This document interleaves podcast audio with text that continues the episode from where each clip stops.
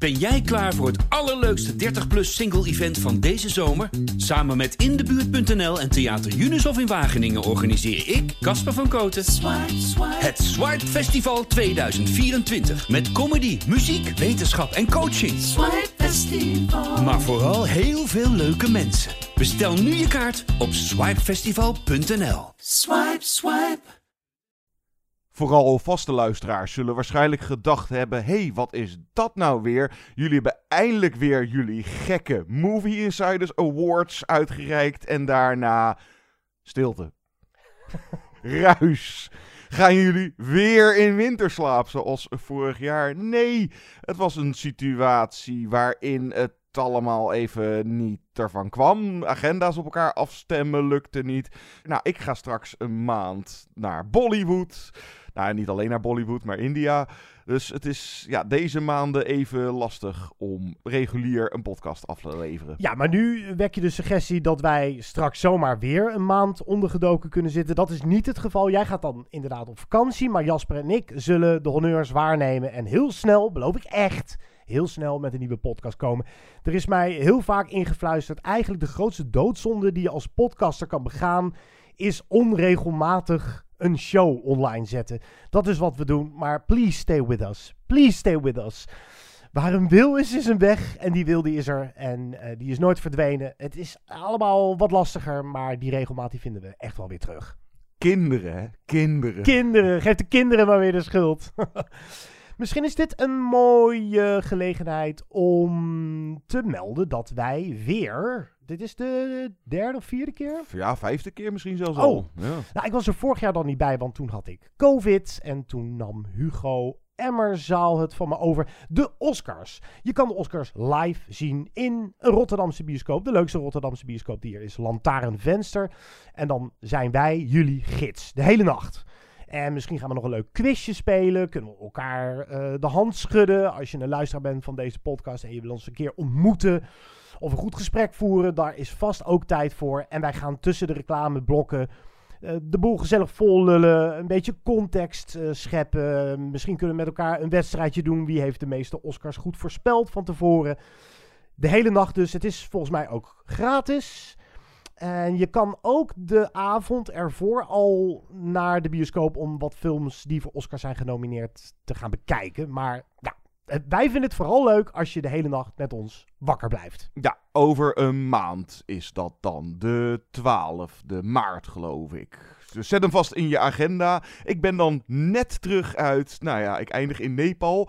En eh, als ik niet zou douchen, dan kan ik terugkomen met de kleurtjes van Holly eh, nog eh, in mijn haar. Ik ben heel benieuwd. Lantaarnvenster.nl, hou de website daar in de gaten. Hallo, dit is Martin Koolhoven. Ik ben filmmaker en eh, jullie luisteren naar de podcast Movie Insiders.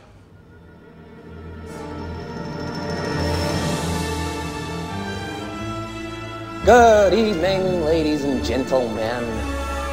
We are tonight's entertainment. Movie Insiders. They're here. Why should I waste my time listening? Because I have a right to be. And I have a voice. Groovy. Hallo allemaal, welkom bij een nieuwe aflevering van Movie Insiders. Dat is nog altijd de filmpodcast van Nederland. Mijn naam is Guido. En mijn naam is John. Beluister ons bijvoorbeeld via Spotify. Je kan ons nog steeds vinden op dingen als Facebook en Twitter, zolang het allemaal nog bestaat. En stuur eens een mailtje, movieinsiderspodcast.gmail.com. Ja, we waren weer even uit de lucht. Excuses daarvoor. Eh, wat dan als resultaat heeft dat we een hele hoop titels, eh, nou ja, niet gemist hebben. We hebben ze wel gezien. Die gaan eh, deze podcast voorbij komen. Een hoop daarvan, ja, het awardseizoen is weer van start. En dus over een maand met de grote finale. De Oscar-uitreiking. De Oscar-nominaties, nou, dat, daar eh, is misschien zo'n mooi startpunt om van daaruit. Nou, onder meer gaan we stilstaan bij de nieuwe releases. The Fablemans van Steven Spielberg. The Banshees of Inisherin. Ik heb inmiddels Nou, ik zal Avatar nog even aanhalen. Ik zag Babylon, jij nog niet. Nee, nog steeds niet nou, gezien. Dat soort eh, titels eh, komen voorbij. En dan hebben we later in de show nog wat andere titels die inmiddels ook, nou ja, nog draaien. Eh, Broker van eh Koreeda. Eh, Terrifier 2 moeten we toch even bij stilstaan. Megan zag ik nog. Jij zag de nieuwe Magic Mike. Ja, Magic Mike's Last Dance. Ja, een hoop titels. Dus nou, we splitsen het eigenlijk een beetje in tweeën. Eerst de Oscar-genomineerde films en dan later de andere films. Maar, je zei het net al, misschien een aardig vertrekpunt voor deze podcast. Dat zijn de Oscar-nominaties. Eh, vinden we altijd leuk om er even doorheen te lopen. Ehm, nogmaals, we zijn in Lantaarnvenster eh aanwezig om de Oscars ook te presenteren tussen aanhalingstekens. Dus we zijn wel een beetje Oscar-fielen, Oscar-fielen, of hoe je het noemen wil. Nou ja, de grote eh, vraag is: kan een film met een dildo-gevecht straks Best Picture winnen? Het zit er echt wel in. Everything, Everywhere, All at Once heeft de meeste nominatie. En Is ook wel echt favoriet. ja, is inderdaad wel de favoriet. Met misschien de film die we straks gaan bespreken, The Banshees of Inisherin, als een hele goede tweede kans. Maar misschien is het leuker om er heel even een beetje boven te hangen. En wat opvallende zaken te vangen. Zoals wat mij eigenlijk. Dat besefte ik me helemaal niet dat hij ook kans had op veel nominaties. En die zat er helemaal tussen. Echt, ik geloof een nominatie of tien. Dat is In Westen Nichts Neues. Ja, die echt ook in. Nou ja, dus naast eh, beste film, want je hebt Everything Everywhere All at Once. Hey, ho. Banshees of Inisherin, The Fablemans, Top Gun, Maverick, eh, Avatar, The Way of Water. Elvis, eh Investing Neues, Triangle of Sadness en dan Tar en Women Talking. Die, moeten, die laatste twee komen nog uit. Die nou, mag jij en eh, Jasper eh Zeker, gaan we zeker tackelen. stilstaan. Maar Investing Neues... eh, nou All dat- Quiet on the Western Front Ja. heet hij dan in het Engels. Staat op Netflix nu. Is dan, ja, eigenlijk zou je kunnen zeggen de Drive My Car van dit jaar. Hoewel deze weer meer nominaties heeft dan bijvoorbeeld een Drive My Car. Maar dat is te verklaren doordat dit een oorlogsfilm is waarvoor dan vaak eh, nou, geluid of camerawerk. eh, nou, hij zou heel goed eh, camerawerk. Sowieso die beste filmnominatie voor deze Investing Noise betekent dat hij... hoe noemen ze dat nou? International Feature of Foreign Language? Ik- nee, International Feature is het nu, ja. ja, die gaat eh, winnen. Ja, wat ook, eh, nou, wat terecht is, maar ook een beetje jammer is voor onze Vlaamse vriend Lucas Dont, die een nominatie heeft weten te pakken. eh gekregen Close, voor- ja. ja. met Close. Dat is toch wel heel gaaf. Jammer dat Knor er trouwens niet tussen zit. Die had nog een heel klein kantje om bij de beste animatiecategorie genomineerd te worden. Dat is niet gelukt, maar die gaat toch wel naar Pinocchio, toch?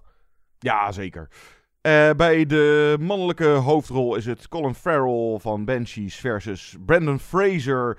Nou, is er ook nog wat... Hij is ook nog een vetzoet tegenaan geplakt, geloof ik. Of, Nou ja, Brandon Whale. Fraser is, eh, die heeft veel meegemaakt en heeft niet meer het eh, goddelijke lijf van George of the Jungle. Maar het is wel echt een vetsuit hoor, trust me. Maar die ja, maakt een grote kans, ook omdat het, ehm, dus waar ze van houden bij de Oscars, dat is de narrative. Wat is het narratief achter het succes van die nominatie? Dat is waarom Ki Hui Kwan waarschijnlijk de Oscar voor beste bijrol in Everything Everywhere gaat pakken. Ja, die, die speelde vroeger in The Goonies en Indiana Jones en maakt dan ook een comeback-rol. Dat is ook een reden waarom Brandon Fraser heel goed zomaar zou kunnen winnen voor The Whale. Maar ik hou eh, nog steeds... Stiekem rekening met die eh, eh, eh, Aston. Eh, Aston. eh, Austin. Aston Butler. Butler als Ja. eh, Elvis. Ja, We kunnen ons allemaal nog eh, het succes, ook het Oscar-succes van Bohemian Rhapsody Ja. herinneren. Dat moet je altijd in je achterhoofd houden. Dat, ik zie dat nog wel gebeuren. ik, eh, ik juich voor Colin eh, Farrell. En dan Bill Nye in Living. En Paul Mescal. eh, als je het over eh, uit bijzondere nominaties hebt. In After Sun. Die komt ook later deze maand nog uit. Eh, ik heb hem gezien. eh, interessant gevalletje.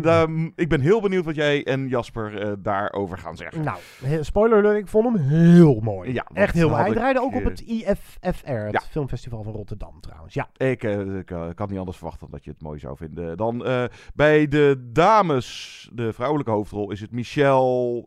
Je hebt er twee, maar Michelle Yeoh versus Kate Blanchett. In en als Tar.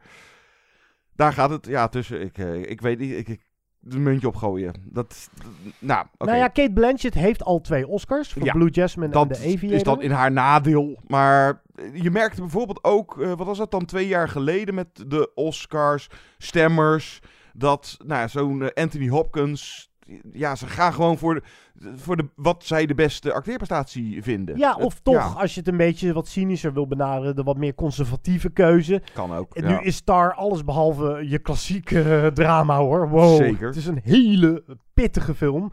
Maar ik, ehm, ja, het is echt muntje opgooien. Het is een leuke Oscar-uitreiking wat dat betreft. Want het is en een tikkie onvoorspelbaar allemaal wat er gaat gebeuren. Eh, het is ook leuk omdat er weer wat hits tussen zitten. We hebben toch de Oscars eh, zien gaan naar films waar mensen hun schouders bij ophalen. En nu zit Everything Everywhere en, en Avatar, Elvis en Top Gun zitten er ook gewoon helemaal tussen. Ja, ik denk trouwens wel dat hij naar Michelle Yeoh gaat, beste actrice. Voor Everything Eh, Everywhere. nou, we, gaan het tegen die tijd. die Anna de Armas is wel genomineerd voor Blan. En dan een van de grootste verrassingen is Andrea Riseborough voor To Leslie. Die nog een release krijgt, ik geloof zo rond de, eh, rond de uitreiking. Ergens in maart.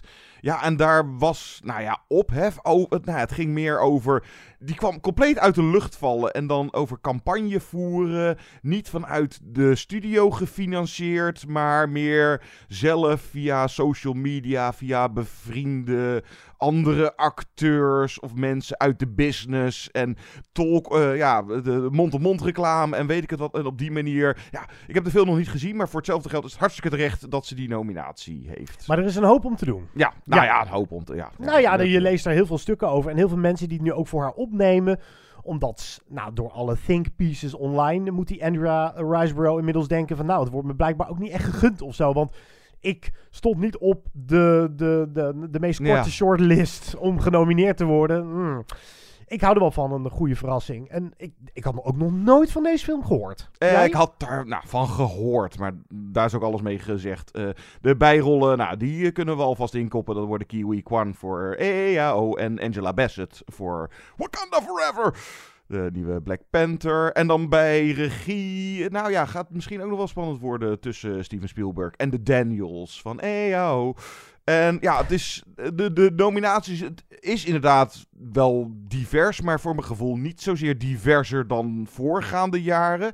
Eh, Viola Davis heeft geen nominatie voor beste actrice voor The Woman King. En ik, hoe heet zij, Danielle Detweiler van Til. Nou, die dan niet, maar dan las ik iets over van, ja, doordat die tegen elkaar concurreren, zijn ze allebei buiten de boot gevallen. En is zo'n Andrea Riseborough ertussen geschoten, of zoiets. En geen Tom Hanks. Eh, nee, geen eh, Tom Cruise voor eh, Top Gun Maverick. Tom Hanks. eh, dan hebben we het even over de, de Razzies, de anti-Oscars. Gaat Tom Hanks een Razzie winnen? Dat zou toch wat zijn. Het zou wel heel gaaf zijn als, nou ja, ik ben het er niet mee eens, maar als Austin Butler wint voor Elvis de Oscar en, En dan- Tom Hanks de Ja. Razzie voor dezelfde film. dat zou wel een giller zijn. Ja, je zegt eh, niet divers genoeg, maar Nou ja, wel, wel divers genoeg, maar niet, eh, niet zozeer eh, nog meer dan gebruikelijk of zo. wat wel heel bijzonder is, en ik heb de statistieken even niet naast me liggen, maar er is nou, nog net niet een record gebroken aan het aantal first-timers. Oftewel mensen die voor het eerst van hun leven een Oscar-nominatie krijgen. Bij sommige acteurs moest ik het ook even opzoeken. Ja, verrek, dit is Colin Farrell's eerste nominatie pas. En Brandon Gleeson's eerste. En ga zo maar door. Dus heel veel ja, Oscar-debutanten. En dat maakt het dan toch ook wel weer fris en fruitig. Laten we een van de grote kandidaten voor de Oscars wat nader bestuderen. Dit is Steven Spielberg's De Spielberg. eh nee, de Fablemans. Movies are dreams. That you never forget.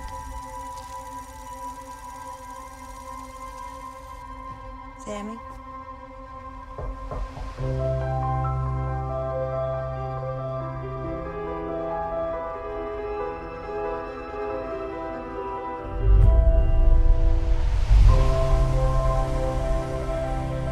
lights change how everything looks. It's hard to find our house. Ours is the dark house with no lights. In this family, it's the scientists versus the artists. Sammy's on my team, takes after me.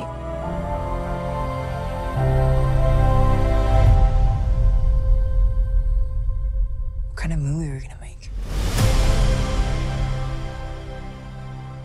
Hij heet dus niet de Spielbergs, maar de Fablemans. Maar dit is overduidelijk een autobiografische film van een van de bekendste regisseurs aller tijden, Steven Spielberg. Het speelt in de jaren 50, 60 vorige eeuw. Waarin we hem, Sammy Fableman heet hij dan in deze film, leren kennen als eerste instantie jochie die voor het eerst met zijn ouders naar de bioscoop gaat. Daar ziet hij The Greatest Show on Earth. Een beste filmwinnaar van Cecil B. DeMille. Een van de allerminste beste filmwinnaars aller tijden. Dat terzijde. En dat jochie, ja, eerste filmervaring, eerste bioscoop. Hij is helemaal betoverd. En dan hebben ze thuis wel iets van een camera. Of hij krijgt een camera. Nee, hij krijgt een treinsetje. En ze hadden nog iets van een cam oude camera slingeren of zo. En dan gaat hij vooral die treincrash wil hij heel graag nadoen. Hij wil. zijn passie is getriggerd. En later gaat hij zijn zusjes dan nog in toiletpapier wikkelen. En dat zijn dan mummies. En dan met schrik-effecten. En weet ik het wat. Nou, overduidelijk zijn. Uh, ja, de, de passie voor het filmmaken. En ja, dat dit Spielbergs. Nou ja, misschien ook wel passieproject, weet ik niet. Maar het is iets wat hij uh, een keer moest vertellen. Hoe is het bij hem gekomen tot uh, waar hij begon? Uh, ja, het eindigt eigenlijk een beetje de film waar Spielberg begon bij in eerste instantie. Maar Guido, is dit... Zoals je, ja, wat altijd een beetje op de loer ligt met van dit soort autobiografische films. Is het een ego-tripje? Nee, nee, nee, nee. Vond ik echt niet. Ik vond hem niet te navelstaarderig. Spielberg die zijn eigen ego aait ik vond dat heel erg meevallen, want daar was ik juist zo bang voor.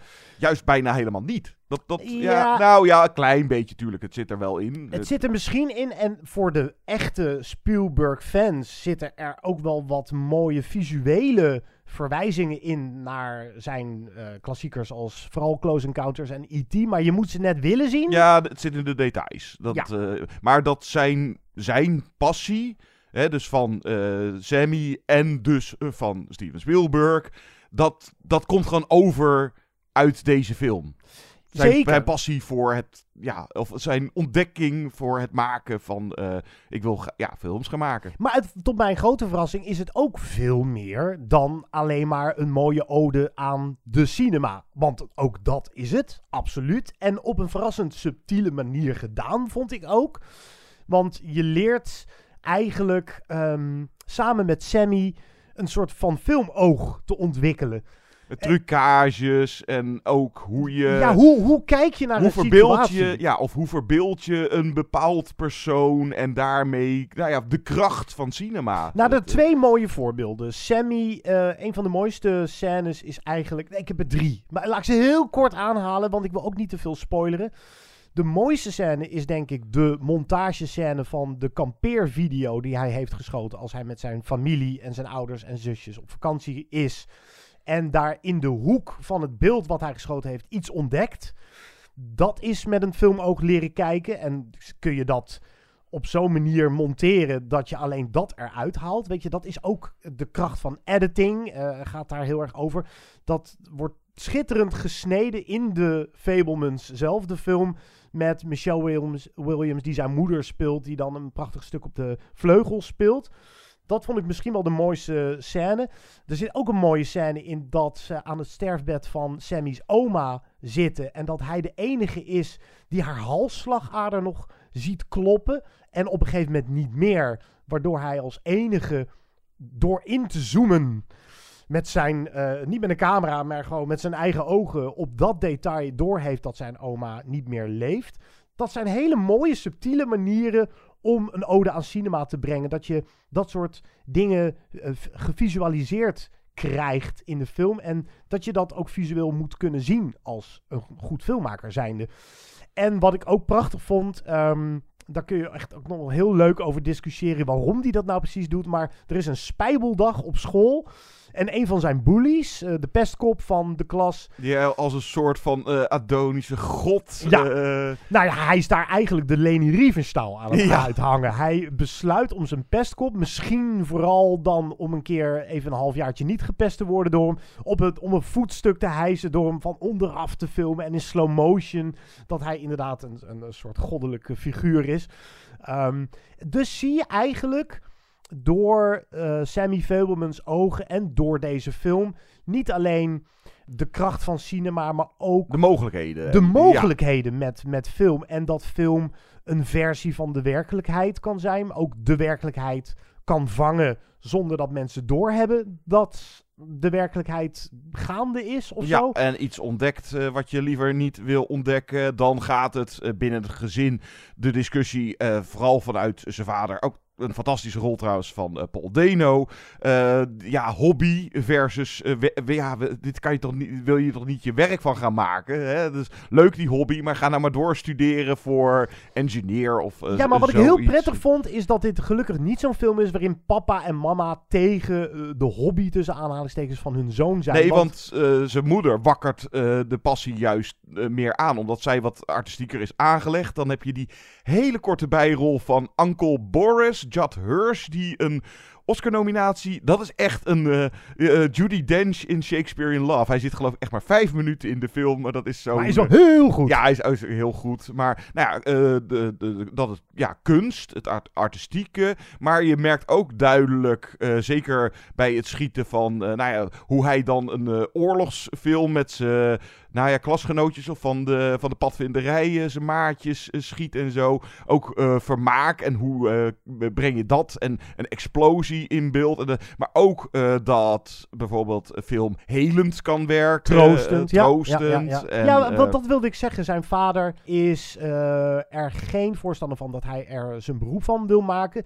Maar hij um, moedigt hem wel aan om ermee door te gaan. Sterker nog, op een gegeven moment is uh, na de dood van oma, is Michelle Williams, uh, Sammy's moeder, heel verdrietig. En dan is het de vader die zegt: Maak alsjeblieft een mooie film op basis van onze kampeertrip. Om haar op te vrolijken. Dus er zitten niet van die sentimentele clichés in van iets overwinnen. Het gaat best wel op een subtiele manier ook over opofferen. Opofferingsgezindheid. Dat is waar Judd Hirsch, uh, die gekke oom, het op een gegeven moment ook over heeft. Ja, misschien hou je wel meer van cinema dan van je eigen familie. En dat, dat is dan maar zo. Misschien moet je er dan toch voor gaan. Maar noemt... het, het, het is altijd tegen een prijskaartje. En zijn eigen moeder heeft dat gedaan, want die is dus heel goed achter de piano.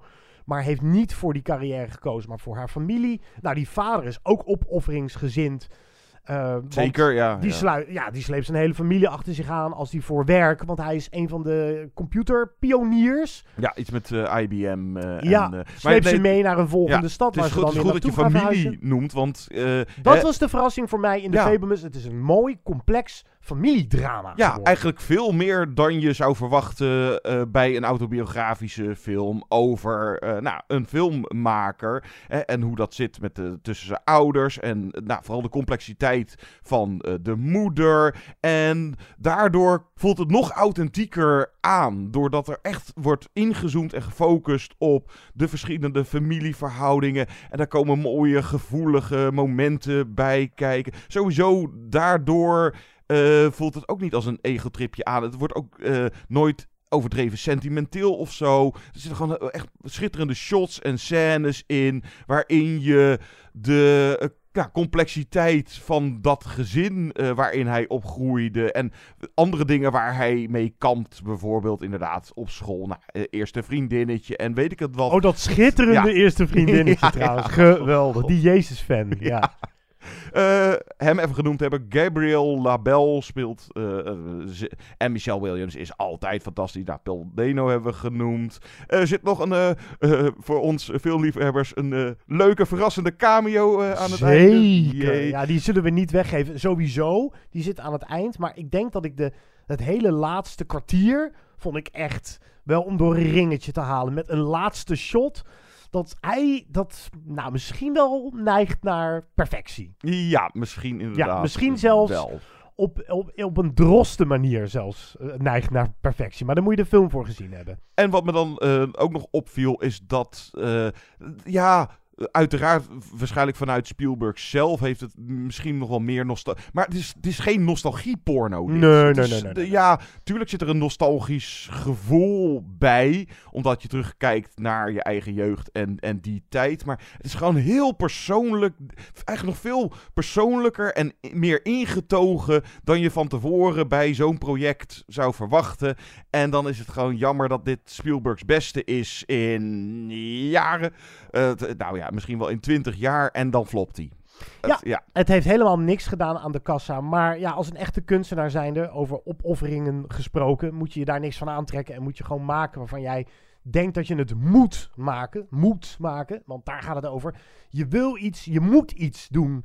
Wat ik er ook mooi aan vond, is dat het gewoon over hele universele dingen gaat. Het is, daardoor is het ook niet navelstaarderig. Steven Spielberg heeft in interviews wel aangegeven dat hij zich altijd een beetje schuldig heeft gevoeld naar zijn ouders. Dat hij ze verkeerd heeft ingeschat en beoordeeld.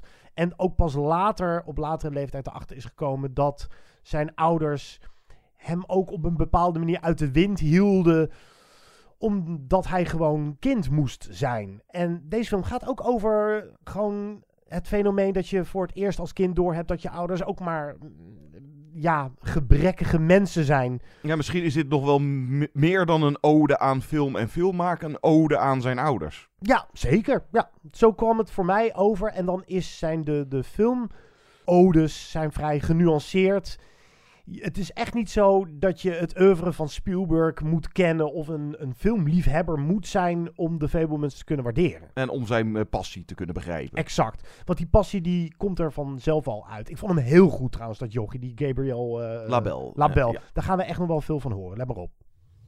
Jesus is sexy. Isn't that like a sin or something? I don't know. He came to us as a man. A handsome young man. He could have come as a girl or an old man or someone with leprosy, but. Well, nobody knows what he really looked like. Probably he looked like you. Oh, because. because he was. Jewish. A handsome Jewish boy. Just like you. Gaat veteraan, componist John Williams zijn het zesde Oscar winnen. Ja, zoiets. Als een soort van uh, laatste mogelijkheid voor de Vemel. Uh, hoe vond jij de score? Ik vond hem heel mooi, maar, maar het, zo, ja. er zit bijna niks van hem in. Ja, dat idee had ik ook. Van ja, hoe, hoeveel origineel zit erin? En het is, uh, de filmscore is, nou ja, niet afwezig, maar het is, ja, hij is niet prominent aanwezig. Nee, nee, nou, wat ik vaak doe als filmmuziekliefhebber is uh, eerst de score helemaal luisteren op Spotify nog voordat ik de film gezien heb. Want dat, nou, dat ben ik nu eenmaal. En dan ben je benieuwd ook wat je daar dan van terug hoort in de film. En in de film is er eigenlijk voor gekozen om John Williams' score voor een groot deel te vervangen door klassieke werken die heel goed functioneren. Dus dat is prima. Maar daardoor zal het een beetje krom voelen als John Williams eindelijk weer eens een Oscar gaat winnen voor uitgerekend deze film. Mensen die voor score, best original score zoals dat heet, mogen stemmen. Dat zijn ook mensen die er geen reet verstand van hebben. Die hebben gewoon mooie muziek gehoord. Weten niet dat dat misschien van Beethoven is. En denken, ja hoor, ja. mooie score, die moet gaan winnen. Maar hij heeft een prachtig thema geschreven. En dat hoorde je volgens mij maar één keer. En ook voor de eerste keer pas na twee uur of zo. Dat verbaast me wel enigszins. Maar het is wel vintage John Williams, dat thema. Dat de traanklieren direct in beweging eh, brengt. Luister maar. En dan zijn we zo terug met onder meer The Banshees of In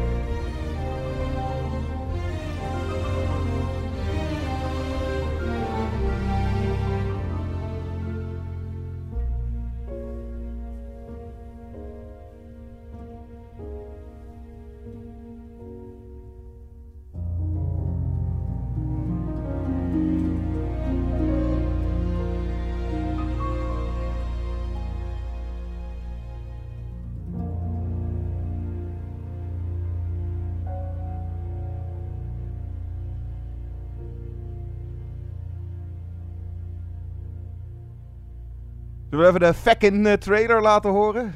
The Banshees of Inisherin. Now, if I've done something to you, just tell me what I've done to you. When you didn't do anything to me. I just don't like you no more. You didn't me yesterday. Why does he not want to be friends with you no more?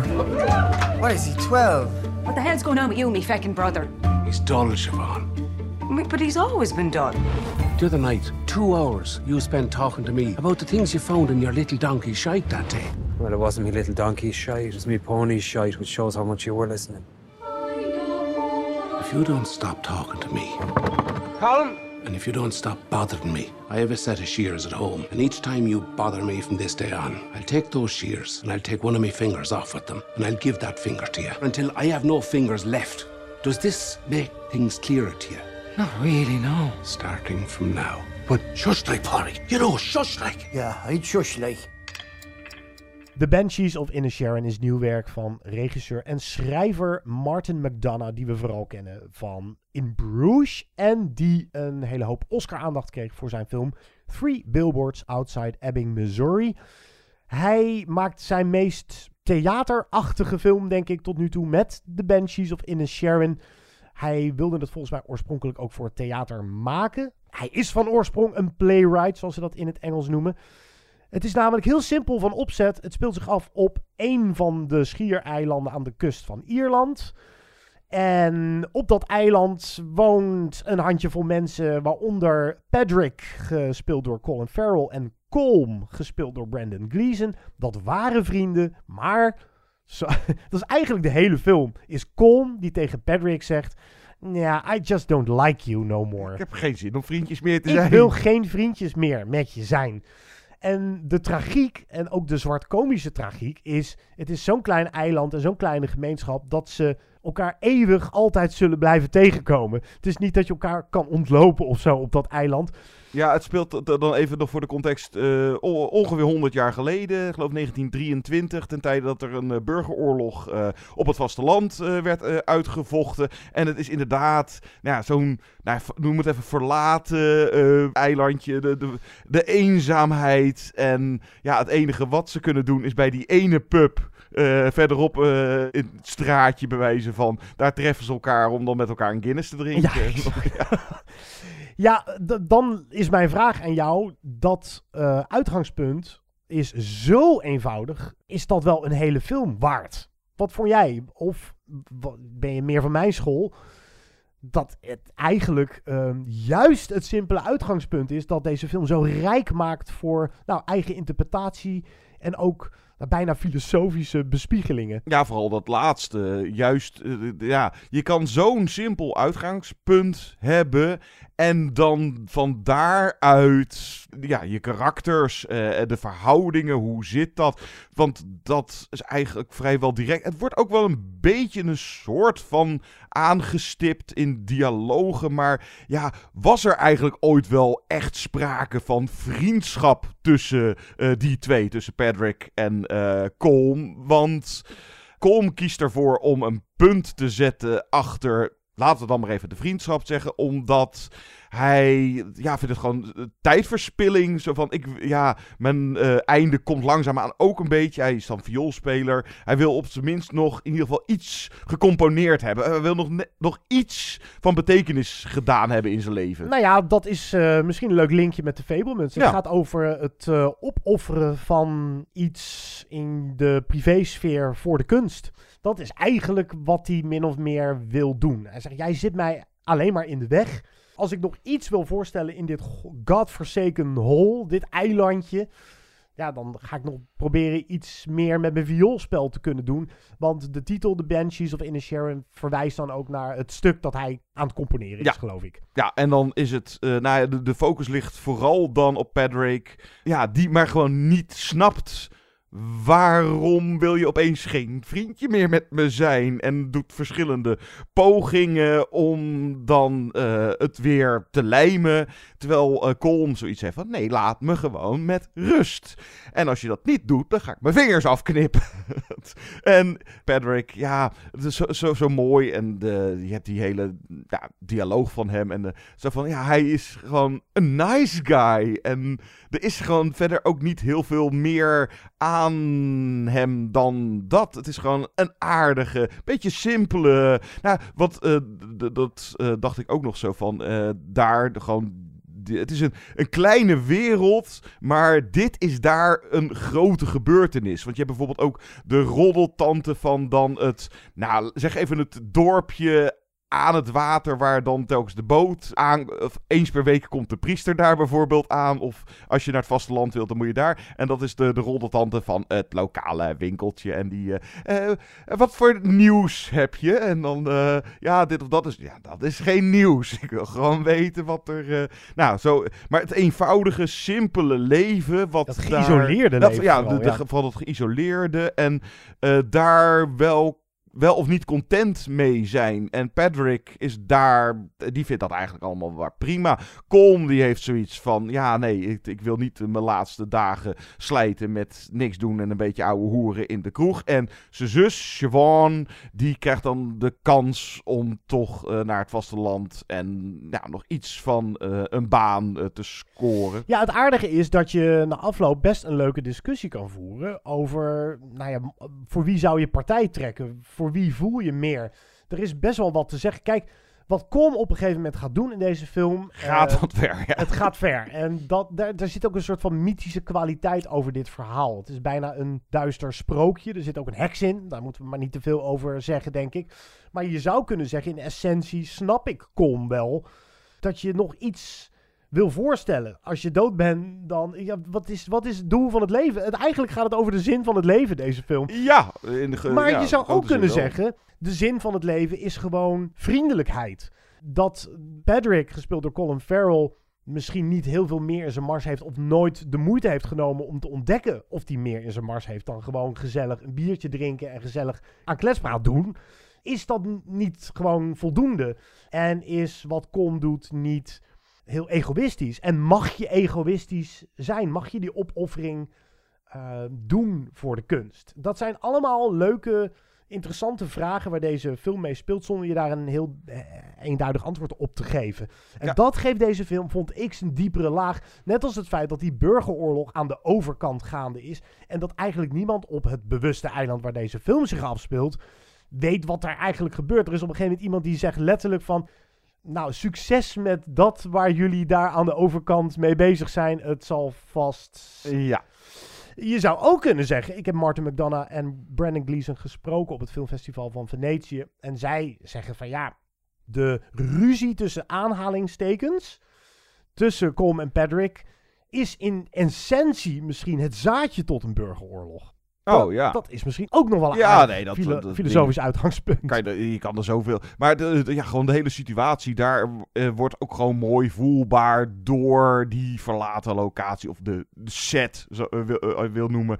Prachtige shots af en toe van die drone shots over nou, die kliffen daar van het eilandje. En ja, mooi en droevig tegelijk. Dat, dat melancholische gevoel, dat zit de hele film door verweven. En dan ja, het droge of zwart komische, vooral in de dialogen, maar ook gewoon het taalgebruik en de karakters. Het originele script van McDonough is wel een grote kanshebber voor, voor uh, de Oscar. Zou ik terecht het, vinden. Ja, trouwens. nou ja, of Everything Everywhere. Het, het, ja, het gaat erom. Maar nou, vooral Colin Farrell, die de, nou, ja, deze film niet draagt, want de rest is ook fantastisch hoor. Maar dat is toch een acteur die de laatste jaren wel vaker uh, zag je hem in een beetje dit soort, maar vooral deze rol, dat je uh, direct zei van ja, die hebben we gewoon al die jaren onderschat. Hij zat gewoon heel vaak in troep. Dat, ja, die pech kan je hebben. Maar, Maar, het ook- is zo grappig om te bedenken dat een eh, beetje een B-regisseur als Joel Schumacher uiteindelijk ons... De, de, de grootste gift die hij ons, ons ooit gegeven heeft is Colin Farrell. Door hem ooit is te casten in Tigerland. Dat was toen zijn doorbraakrol. Zoiets, ja. Toen kregen we hem allemaal in het vizier. Wat zo goed is aan Colin Farrell is dat hij dat droevige, dat melancholische, dat draagt hij in zijn gezicht en in zijn gelaat met zich mee. En hij weet daardoor van Patrick ook meer te maken dan een typetje. Het is niet gewoon een sukkeltje.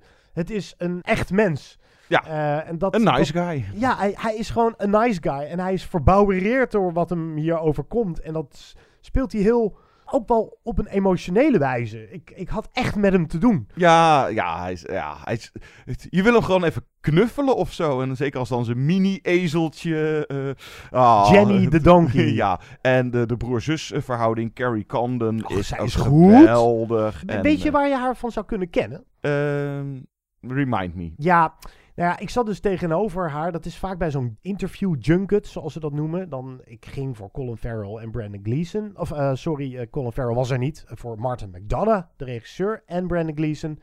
En dan krijg je er Carrie Condon bij. En ik dacht van, ja, nou dat hoeft van mij niet zo nodig. Ehm, maar ik zat tegenover haar en ik vond haar heel charmant en charismatisch. En ik dacht de hele tijd, waar ken ik haar nou van? En toen stelde iemand een vraag van, goh, dit is wel even wat anders dan Better Call Saul. Ik dacht, Better Call Saul?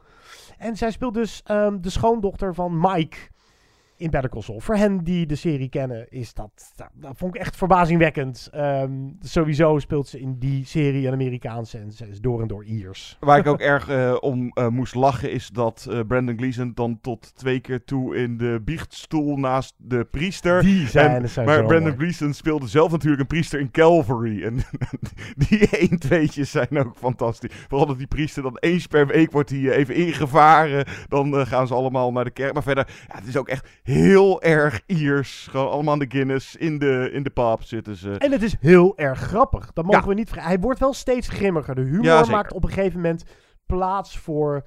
Nou, eigenlijk totale droefheid, zou je kunnen zeggen. Het is in het begin denk je, goh, leuke comedy. Ehm, dat is het leuke van zo'n filmfestival waar ik hem zag. Ik wist er echt niks van af. En dan halverwege denk je, ja, gaan we dan nog ergens heen? En op een gegeven moment wordt duidelijk, dat is het. Dus het is een film die mediteert op het eenvoudige uitgangspunt om dat helemaal tot, ja, tot een bepaalde filosofische hoogte te stuwen. En dat vond ik zo knap en raak gedaan. Dat ehm, ik moet deze film ook echt een tweede keer zien voor ongetwijfeld nog veel meer mooie nuances die erin verstopt zitten. Ja, er zit echt eh, veel meer in dan eh, alleen dat simpele uitgangspunt. En sowieso ah, eindelijk weer zo'n echt gave tragicomedy. Dat is ook helemaal mijn ding. En nou, gewoon dat, dat Ierse erbij. En die fantastisch. Nou, vooral deze film excelleert in acteerprestaties en het script. Dus nou, als die die Oscars zou winnen, waar ik dan even maar niet van uitga, maar zou winnen, dan eh, ben ik daar helemaal blij mee. Ja hoor, same hier. Eh, ga deze film absoluut zien. Het zou me niks verbazen als hij de Oscar voor beste film ook zou kunnen winnen. Ik vond hem beter dan Three Billboards Ja. Outside the Ja, ik had hier. Daar had ik mee. moeite mee. Ja. De- ja, deze, Deze, deze, deze raakte me meer of zo. Deze, ja, het, het kan ook niet je ding zijn. Het is, Ja, maar toch daag ik iedereen uit om deze film toch te gaan zien. Ook als je denkt van, hmm, nou, op basis van deze recensies weet ik het zo net nog niet. Je haalt er eh, veel meer uit misschien nog dan, eh, dan wij hier in deze korte recensie hebben gedaan. Dit waren twee van de meer belangrijke Oscar-titels van dit jaar. We gaan er nog veel meer bespreken. Jasper en ik komen eh, nog terug met titels als Star, strakjes en The Whale natuurlijk. We gaan een blokje ook nog gezien doen. Jij hebt eindelijk gezien de film die ze zelfs in Tibet allemaal al hebben zitten kijken op high frame rate en 3D. Ene Avatar, The Way of Water. Wij zijn meer Titanic fans dan Avatar fans. Bleek ook in de recensie die we deden toen we Avatar weer eens terugzagen. Wat vond je van dit vervolg ten opzichte van de eerste film? Voor een beter, voor een minder? Of heb je überhaupt... vergelijkbaar. Ja? Een beetje hetzelfde. Eh, eh, ja, nee, ja, sowieso. eh, voor mijn vakantie, ik zat ook al onder vrienden van, ja, potverdorie, ik, ik, het was er nog niet van gekomen. Ik moet, voordat ik straks een maand weg ben, toch op zijn minst wel even die nieuwe Avatar in de bioscoop dan gezien hebben. En ja, de visuele effecten, wauw. Het, als, die, als die die Oscar niet wint, dan val ik van mijn stoel. En, maar ja, moet je hem dan alleen voor het visueel verbluffende kijken? Ja, daar kom ik toch wel een beetje op uit. Jee, denk ik. Eh, ja, want de rest, hetzelfde als met de eerste Avatar, ik, ik had gewoon daar heel veel minder mee. Trouwens, eh, nog even vermelden, dat had je, dacht ik, bij die eerste Avatar ook af en toe. Maar hier, nou, dat zijn dan eh, op visueel vlak de net iets mindere momentjes. Als soms die personages door nou, het bos aan het rennen zijn of zo. Dat een beetje gamegevoel, heel af en toe. Het valt hier wel mee, maar dat je zoiets hebt van... Dat je bijna de console in je, of de controller in je hand mist van... hey, ik wil nu deze personages. Eh, maar op het gebied van nou, de dialogen en plots... eh, plotgaten, ah, voor, mijn gevoel. Nou, soms was het af en toe gewoon verwarrend. Twee zonen van eh, Jake en Neytiri, eh die gaan echt sprekend op elkaar lijken. Ik zat ook de eh, halverwege de film. Is het nou wel of niet een tweeling? Maar zo zaten er nog een paar andere personages in. Waarbij me niet helemaal duidelijk was wie het nou exact was. Of, nou, of hoe ze nou zijn ontstaan. Of En wat doet Sigourney Weaver nou in vredesnaam in een kinderlichaam? ja, nou, dat, dat soort dingen allemaal en zo. En dan, ja, de, de focus ligt dus weer op nu dan dus de familie, Sally. En ja, hetzelfde als wat ik met die eh, eerste avatar. Ja, die karakters, ik, ik gaf er weer geen moer om, joh. En, en de lengte, nou, het is dat ik hem eh, op zondagmiddag... Ik had niet zozeer een kater, maar na een avondje stap... Ik had niet heel erg bijzonder veel geslapen.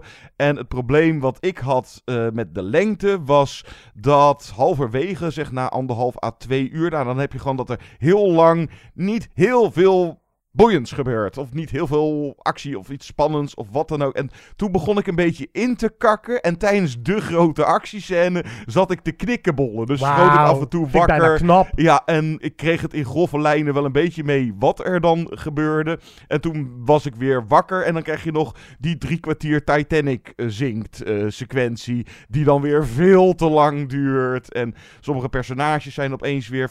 Maar je merkt tijdens... Kijk, James Cameron was dan, wat is dik 13 jaar of zo bezig met dit project.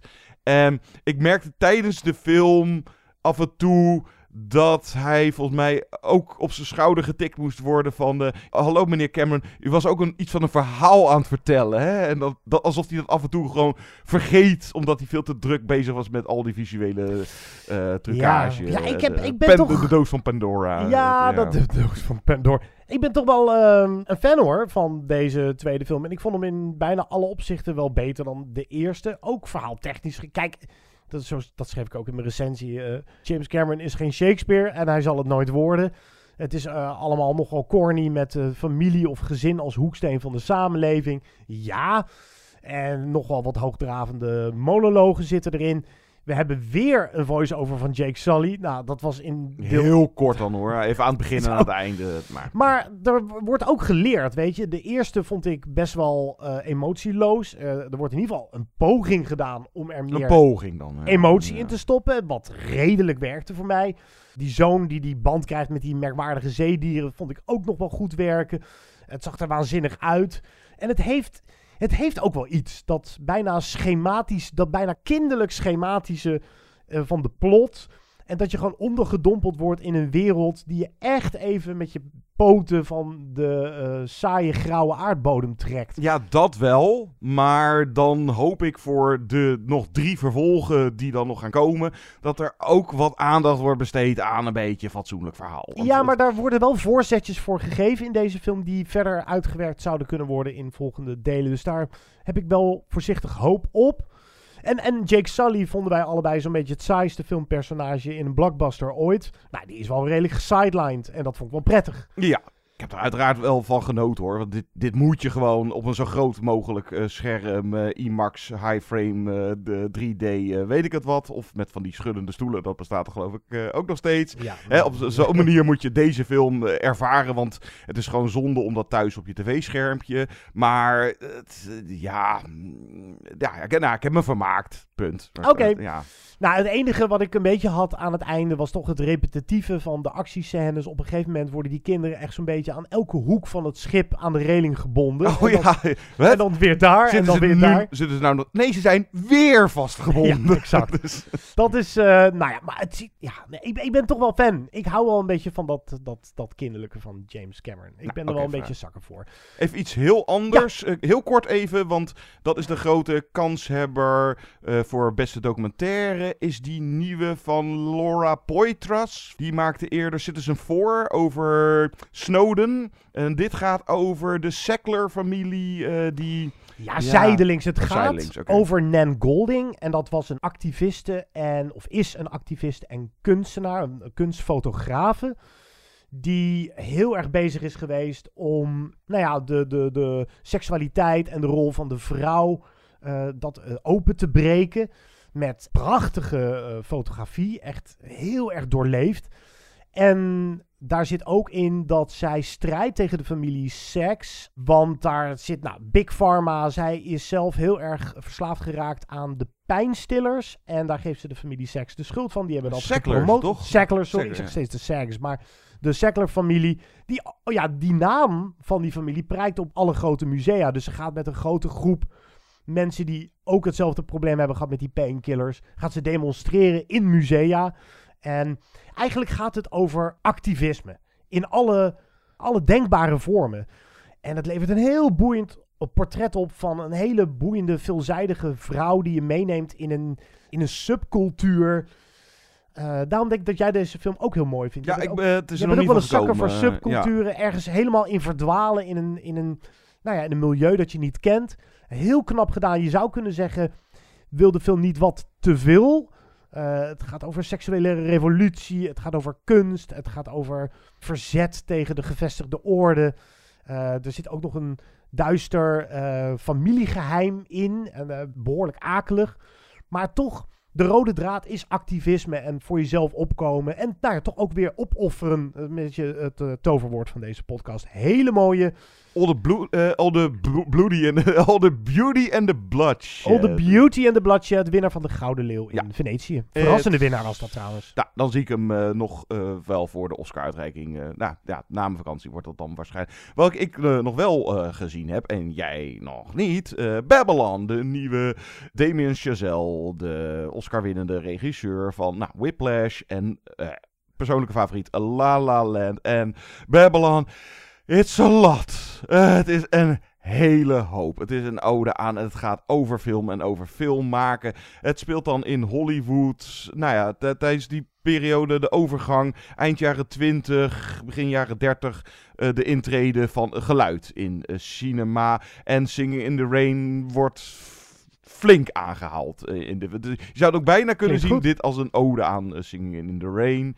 En het is ook wel passend bij deze eh, film over die tijd dat eh Damien Chazelle, nou, hij is echt overambitieus. Eh, de film is decadent, net als die achterlijke feestjes die erin zitten. Het is groots, het is wild, ook qua lengte, maar ook gewoon eh, hoe de film eh, aanvoelt en overkomt. Deed hij me een beetje denken aan The Wolf of Wall Street van Martin Scorsese. Daar is hij misschien... Wilderig. Ja, het meest mee te vergelijken. Het gaat over de rise en fall van dan een vijftal personages met nou, Brad Pitt als de eh, gevestigde acteur. Ja, die, ik weet niet wie die nou precies moet voorstellen, maar de, hè, de gevestigde naam die dan eh, moeite heeft met de overstap eh, naar eh, geluid. Eh, Margot Robbie als eh, nieuw talent die doorbreekt. Dan heb je die Diego Calva, de Spaanse of Mexicaanse immigrant die het graag wil maken daar in het wereldje. Dan heb je nog een jazz trompetist en een Aziatisch, eh, die iets met montage, nou, whatever. Eh, vijf personen. en dan bestaat de film eigenlijk dus uit twee helften. The Rise, eh, de eerste helft. Eh, nou, eigenlijk, ja, ik, ik kwam er überhaupt uit op, is de film een soort van half geslaagd. Want ik had enorm probleem met de vol, de tweede helft. Want dan zet hij vol op drama in. Maar die eerste helft was zo wild en nou, soms zo echt hilarisch. Ik heb hard gelachen. De meest idiote dingen die ze doen en die eh, gebeuren. En ook de, gewoon de manier waarop het gefilmd is. En nou, echt een filmisch feestje. En dan is de tweede helft, eh, komen er ook wat clichés bij kijken. Dan begin je last van de lengte van dik drie uur te krijgen. Het is uiteindelijk, het is allemaal way too much. Want Damien Chazelle wil ook echt alles vertellen. Alles wil hij de revue laten passeren. En het is op sommige momenten overdonderend en spetterend in beeld gebracht. Eh, production design, dus de sets en eh, dat soort dingen. En de score. Ga ervan uit dat hij die twee Oscars ook gewoon terecht wel gaat winnen. De score van Justin Hurwitz zullen zo even wat van. eh, eigenlijk is dit. als je het hebt over passie voor film en over film maken. Dit is eigenlijk het tegenovergestelde van de Fablemans. Waar de Fablemans juist heel verrassend integer en mooi familiedrama pakt. Babylon echt uit op een manier zoals je dat bijna ook niet meer ziet. Ja, de, de, regisseur hij heeft zijn strepen verdiend. Dus hij, hij, mocht waarschijnlijk ook. Hij heeft flink wat budget gekregen.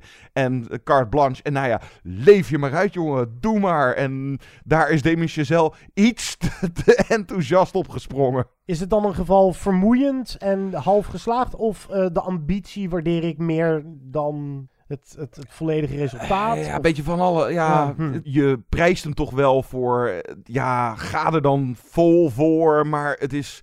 Ja, wat ik zeg, het is gewoon echt, echt te veel.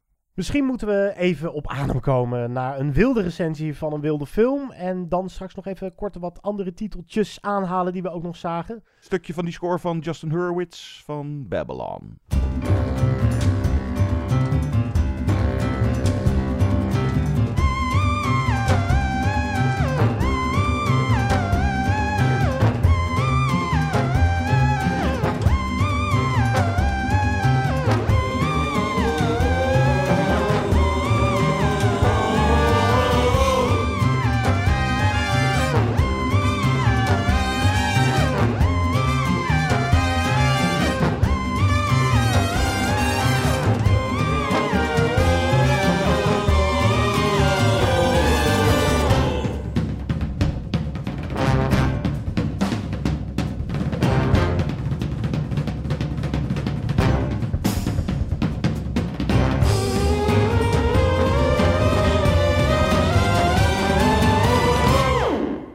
Ja, Guido, je moet sowieso Babylon eh, ge- überhaupt gezien hebben. Maar jij was ook eh, laatst in Hollywood. Dus dat Ja, is helemaal... eh, Ja, Hollywood is niet meer wat het ooit was. Wat mij, ik ben er ik voor was de... er, voor nou, ja, het is het, ja, volgens mij 2000. Nog voor 9-11 was ik eh, in, Oh, in wauw. Hollywood. Ja. Ja, ik ben er ook één keer eerder geweest en dat was dan een jaar of zeven geleden. En ook toen viel het me al op. Het is best wel een troosteloze bende. Zeker die Hollywood Walk of Fame, die boulevard.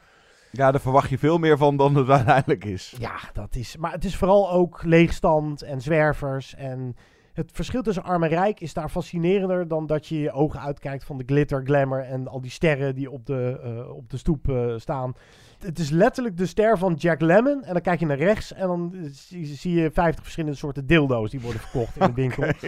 Dus, eh, ja. maar goed, nee, ja, maar Ja. Hollywood is fascinerend en eh, LA is sowieso een fascinerende stad. Ik was er voor. ehm, Onze Paul, eh, ja, Paul Verhoeven. Paul Verhoeven, ja. Ik, ben, ik, heb, ik heb gewoon Paul Verhoeven opgezocht bij hem thuis. Hij woont op ongeveer 10 minuutjes rijden van de Santa Monica Pier. Oké, want ja, eh 50 jaar Turks fruit. Krijgt, ja, goede vraag. Krijgt hij nog een re-release? Nou, niet dat ik weet. Nou, er moet nog aandacht aan besteed worden in deze podcast. eh. Ja, misschien dat ik met Jasper gewoon eh, die Turks fruit weer eens aanzet. En ik heb hem nou, uiteraard weer even herbekeken. Maar ja, fascinerend. Hij heeft prachtige anekdotes verteld over je. Maar ook over zijn leven daar in Hollywood. En hoe hij terugkijkt op de gemengde reacties op zijn showgirls en Starship Troopers. En over dat zijn, eh, eh, het slipje van Sharon Stone nog in de wasmand bij hem thuis belandde. En dat die kinderen het nog gedragen hebben. Het was een hilarische middagje bij, eh bij Pistolenpaaltje thuis. Oké, en dan heb je niet eens een quoteje van hem Nee, ja, dat ben ik gewoon Je had- vergeten. nee, je had hem even zijn ego kunnen strelen door te zeggen dat hij, geloof ik, in de Movie Insiders geschiedenis...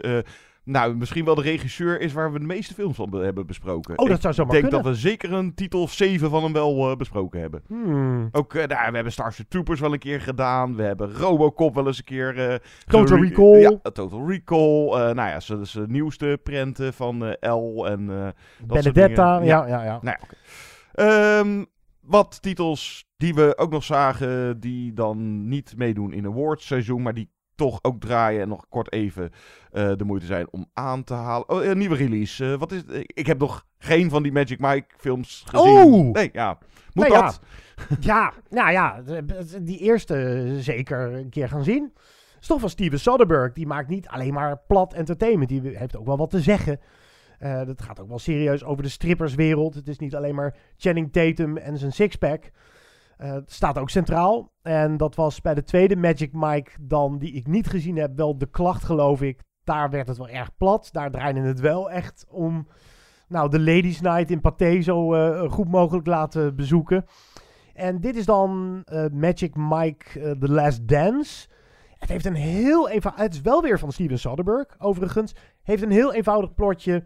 Salma Hayek speelt hoofdrol. En die ligt in scheiding met haar vent. En ontmoet dan eh, Magic Mike, gespeeld door Channing Tatum. Die is dan bartender tijdens een van de parties die zij geeft. Zij is stinkend rijk.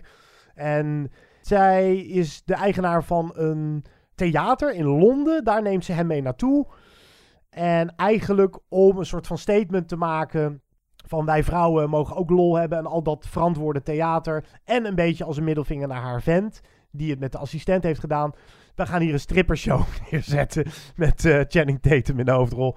Ehm, en dat, dat gebeurt. Eh, er zitten een paar aardige grapjes in.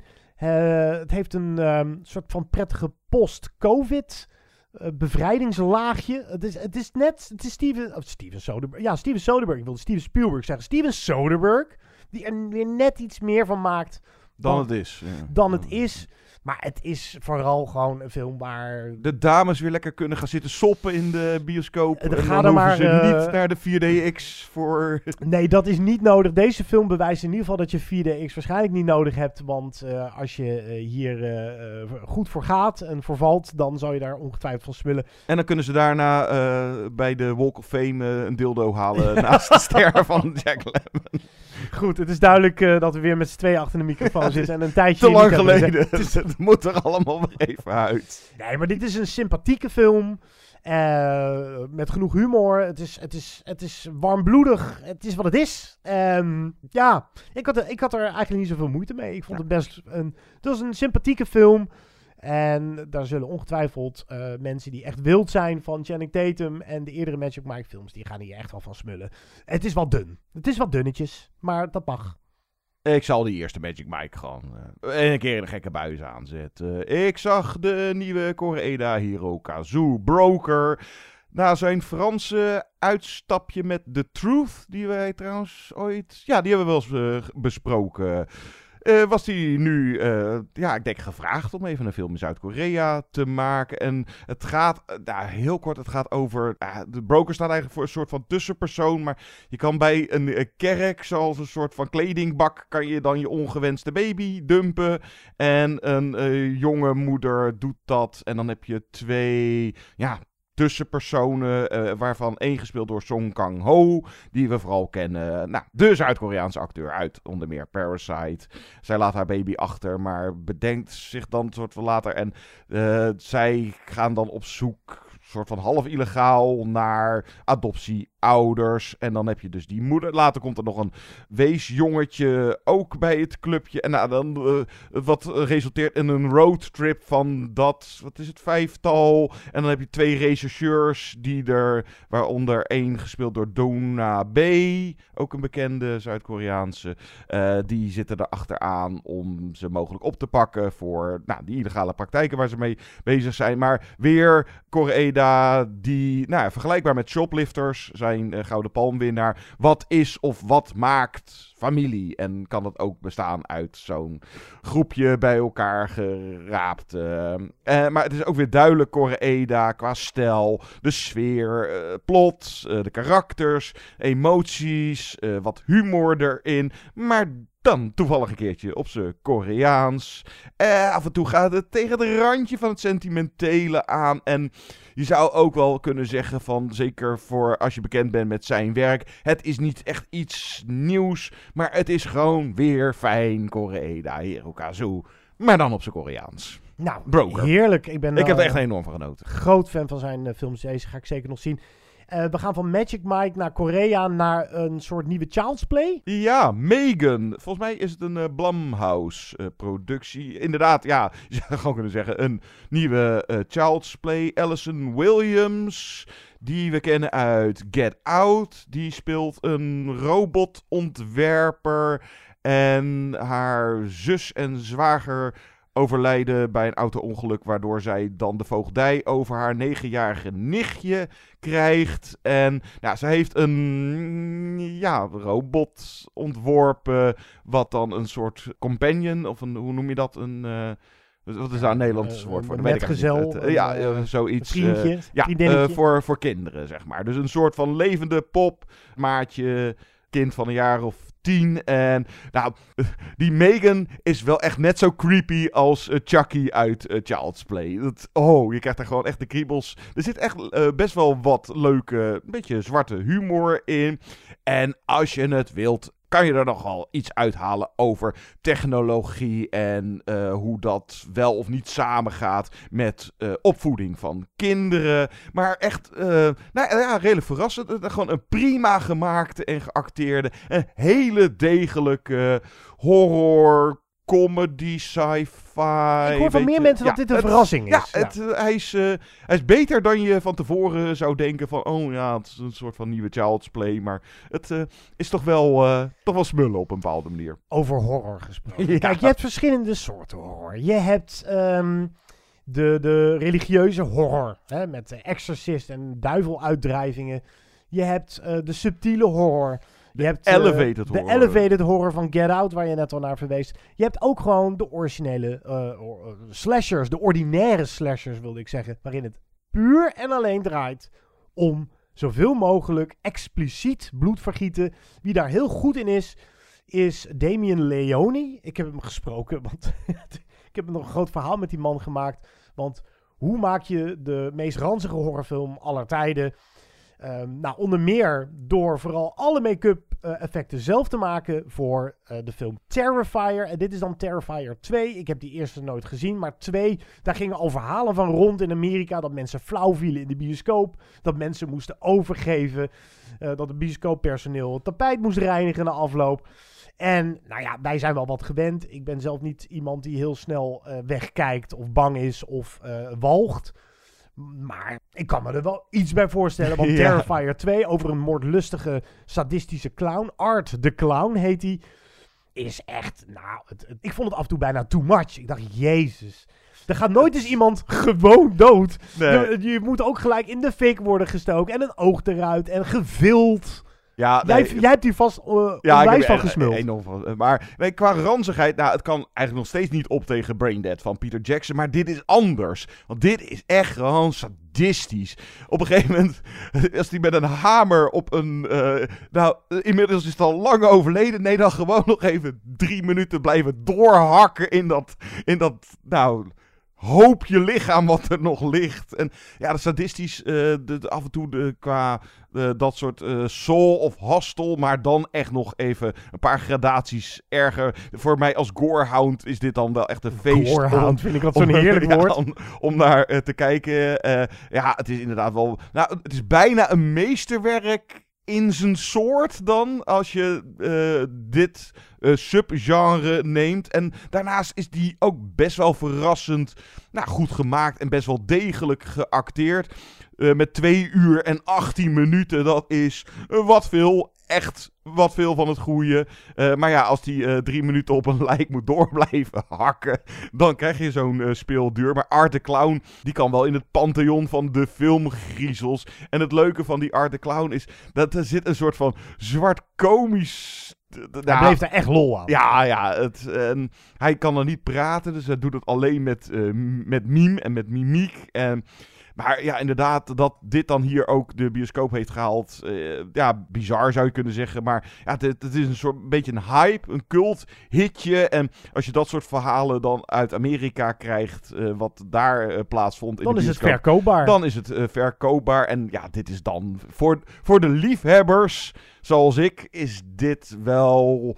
Nou, zelfs ik zat af en toe wel zo van. Ja, hallo meneer Leone. Nou ga je wel erg ver. Nou ja, die Terrifier werd dus een onverwachte culthit. En fans schreeuwden om een vervolg. En dat is deels door crowdfunding ook tot stand gekomen. En hij kreeg dus carte blanche, want dat was wel zijn vereiste. En toen dacht hij, nou ja... Dan, maak ik ook de Godfather 2 onder de slasherfilms. Ja, zo zei hij het eh, bijna letterlijk tegen Als je dat leuk vindt om te lezen, wat er in zo'n zieke geest allemaal omgaat. AD.nl, eh, Damien Leone, Terrifier, dan vind je hem wel. Hij eh, had er een goed verhaal bij.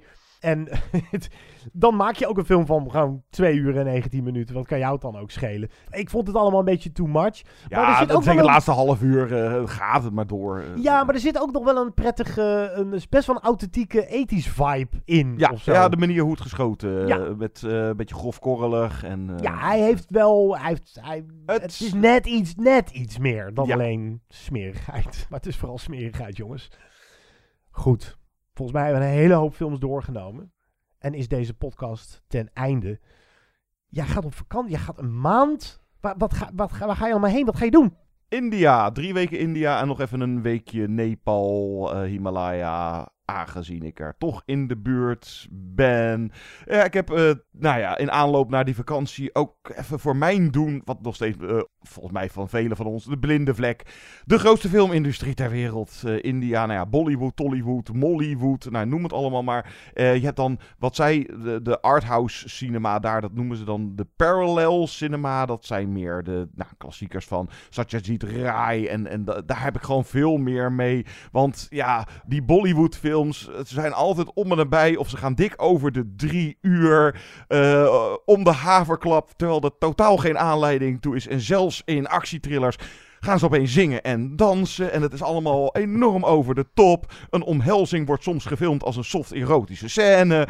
Eh, de veel slow motion erin. Melodrama. Echt tot het er vanaf druipt. Eh, humor. Ja, dat is dan cultureel iets eh, die ik niet snap. Maar dat ze, dat ze in India vast wel om eh, kunnen lachen. Ik heb van die klassiekers als Sholai eh is aangezet. Dat moest er maar eens een keertje van komen. Of zo'n Three Idiots met die Amir Khan. Die staat ook al jaren heel hoog in de IMDb. India, ik. Top 250. Het is, ja... Nou, dat soort Indiase cinema is dan niet helemaal aan mij besteed. Ik hou wel van die mooie, ingetogen... ja, wat meer de arthouse Er zijn echt wel... Nou, er zijn genoeg mooie Indiase klassiekers. En er is natuurlijk vorig jaar één Bollywood film echt eh groots geworden door eh, onder meer een Netflix release. Die was echt heerlijk over de top. RRR, oftewel eh Tijgerwerpen 2.0. Dat- die film moet je toch eens aanzetten. Als je dan toch eens een Bollywood eh, film wil zien die zo over de top is dat je daar echt alleen maar van kan genieten, dan is RRR wel een verrukkelijk filmpje. Die ene actiescène en dan is het echt gewoon... Pas op, ik heb een dierentuin meegenomen. En met overdreven slow motions, Ja. iets te overduidelijke CGI. Maar dat mag de pret echt niet drukken bij RRR. Dus eh, zet die film eens eh, op. En ehm, daar zit een nummer in, dat is voor een Oscar genomineerd. En die gaat die Oscar winnen, let op. Ja, oh, dat gaat gebeuren. Die En daar gaan we zo mee uit. Eh, even afsluiten. Oh ja, ja. dan Eh, eerst. Eerstvolgende podcast. Nou ja, ik zit dus even in India bij de Taj Mahal. En ik zal, als ik toch in Mumbai ben, allicht even in Bollywood. je hebt daar ook die studio's. Ja, leuk moet je doen, ja, man. Even kijken.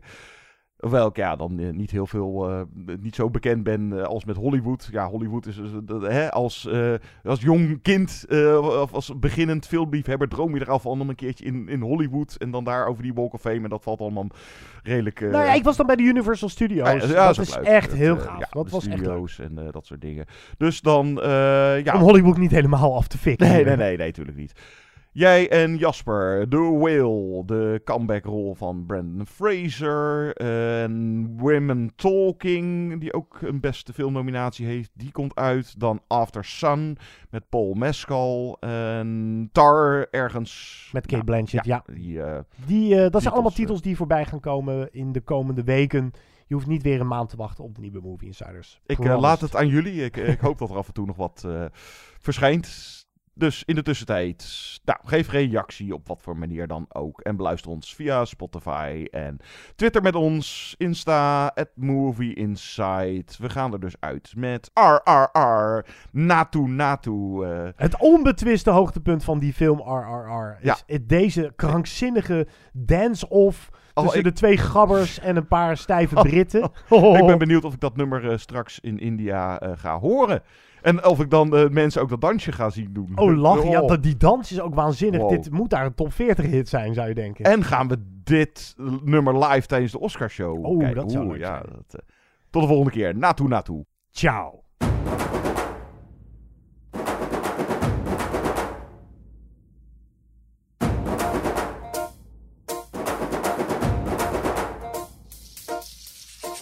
గట్టు దుమ్ములోన పోట్ల గిత్త దూకినట్టు పొలేరమ్మ జాతరలో పోతరాజు ఊగినట్టు. కిర్రు చెప్పులేసుకొని కర్ర సాము చేసినట్టు మర్రి సొట్టు నీడలోన కుర్ర గుంపు కూడినట్టు ఎర్ర జొన్న రొట్టెలోన మిరప దుక్కు కలిపినట్టు. నా పాట చూడు నా పాట చూడు నా పాట చూడు. నాటు నాటు నాటు నాటు నాటు నాటు నాటు నాటు.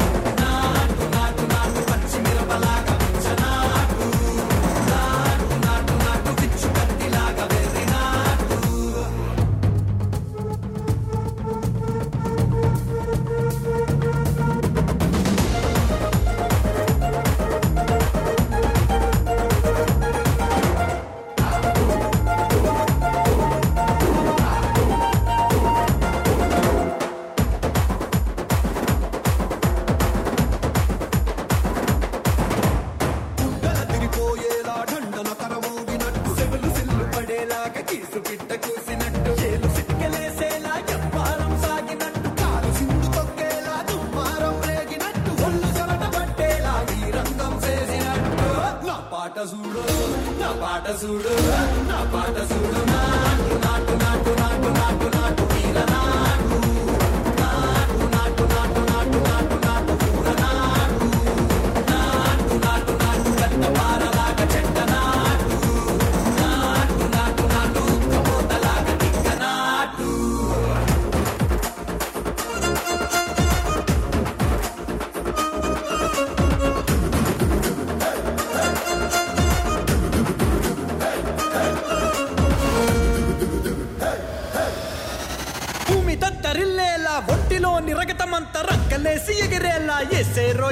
కి నాటు నాటు నాటు.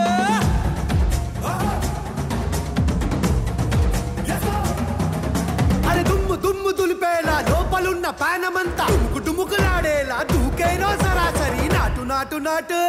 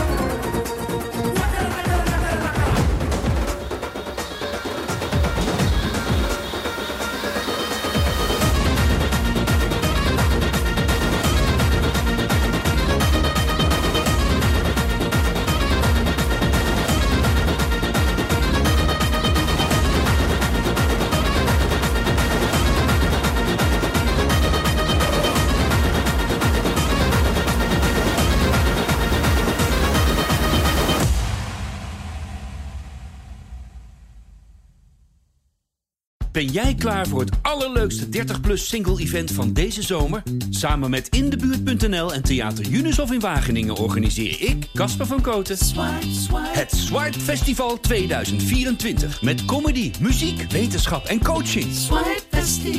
Maar vooral heel veel leuke mensen. Bestel nu je kaart op swipefestival.nl. Swipe, swipe.